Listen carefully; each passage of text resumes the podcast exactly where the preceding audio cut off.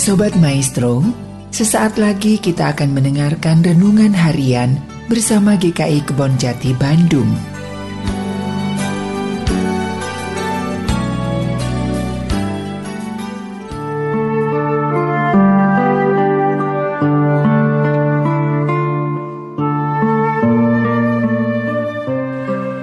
Bertemu kembali dengan saya Pendeta Daud Solihin dari GKI Kebon Jati dalam acara renungan harian.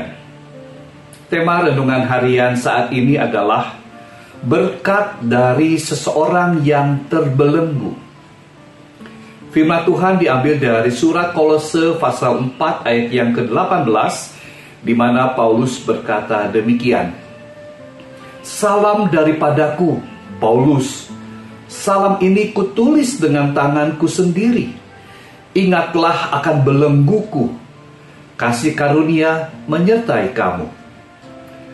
Bapak Ibu Saudara, sebagai pendeta, saya mengamati pada saat akhir ibadah dan jemaat menerima pemutusan dan berkat Tuhan, ada beberapa sikap dari jemaat yang berbeda. Yang umum adalah jemaat menerima pemutusan dan berkat dari Tuhan sambil menutup mata, menghayati makna pemutusannya yang sesuai dengan kabar baik dari ibadah hari itu. Dan karena itu mereka diberkati Tuhan agar cakap melaksanakan pemutusannya di tengah dunia.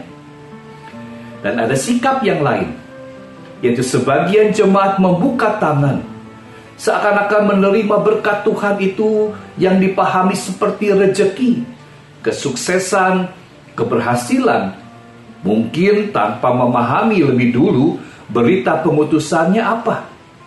Langsung ingin menerima berkat Tuhan. Ya, tentu kedua sikap ini berbeda tradisi dan kebiasaan bergerejanya. Mungkin juga ditiru tanpa sikap kritis supaya lebih populer dan trendy. Tetapi yang saya mau perhatikan dari ayat pembacaan renungan harian ini adalah Pernahkah saudara dan saya sadari bahwa ada berkat Tuhan yang disampaikan diberikan kepada jemaat Kristus dari seorang rasul yang justru sedang menderita karena ia membela iman dalam Tuhan Yesus Kristus memberkati orang lain dalam berkat Kristus yang dimilikinya sebagai orang yang dianiaya karena ia beriman pada Kristus. Berkat macam apa itu? Konon sambil mendiktekan ayat ini, Paulus tidak lepas dari pengawasan prajurit Roma yang berdiri di sebelahnya. Paulus atau dia yang memberi berkat adalah dia yang juga sedang mengalami ujian iman dan sekaligus loyalitas imannya kepada Tuhan Yesus Kristus. Akan tetapi penderitaannya karena beriman pada Kristus tidak membuat dia kehilangan semangat untuk memberkati sesamanya yang juga sedang menghadapi tantangan, ujian, dan loyalitas beriman pada Yesus Kristus sesuai dengan konteks kehidupannya masing-masing. Dalam surah Filipi pasal 4 ayat 9, Paulus menginginkan agar kesetiaan iman kepada Yesus dalam dirinya dapat diteladani oleh jemaat mula-mula yang sedang mengalami penganiayaan karena iman mereka dalam Yesus Kristus.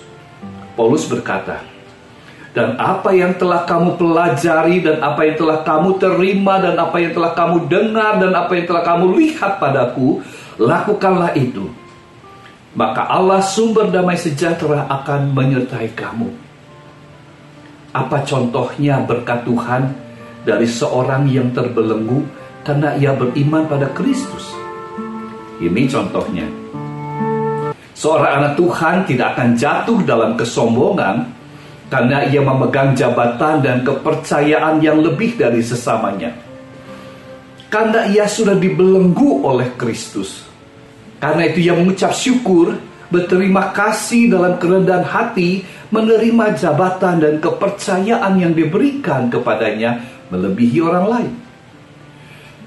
Kalaupun kita diberkati seperti ini, ingat, kita adalah orang-orang yang juga sudah dibelenggu oleh Kristus. Supaya kita tidak jumawa, tidak bermegah diri dalam kesombongan dan penyalahgunaan kekuasaan dan jabatan.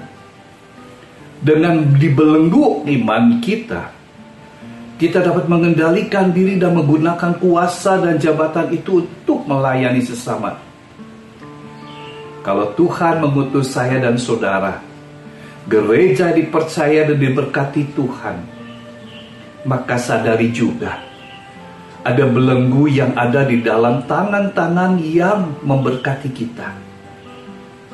Agar kita cakap untuk melakukan pengutusan kita dan nama Tuhan yang dimuliakan. Amin.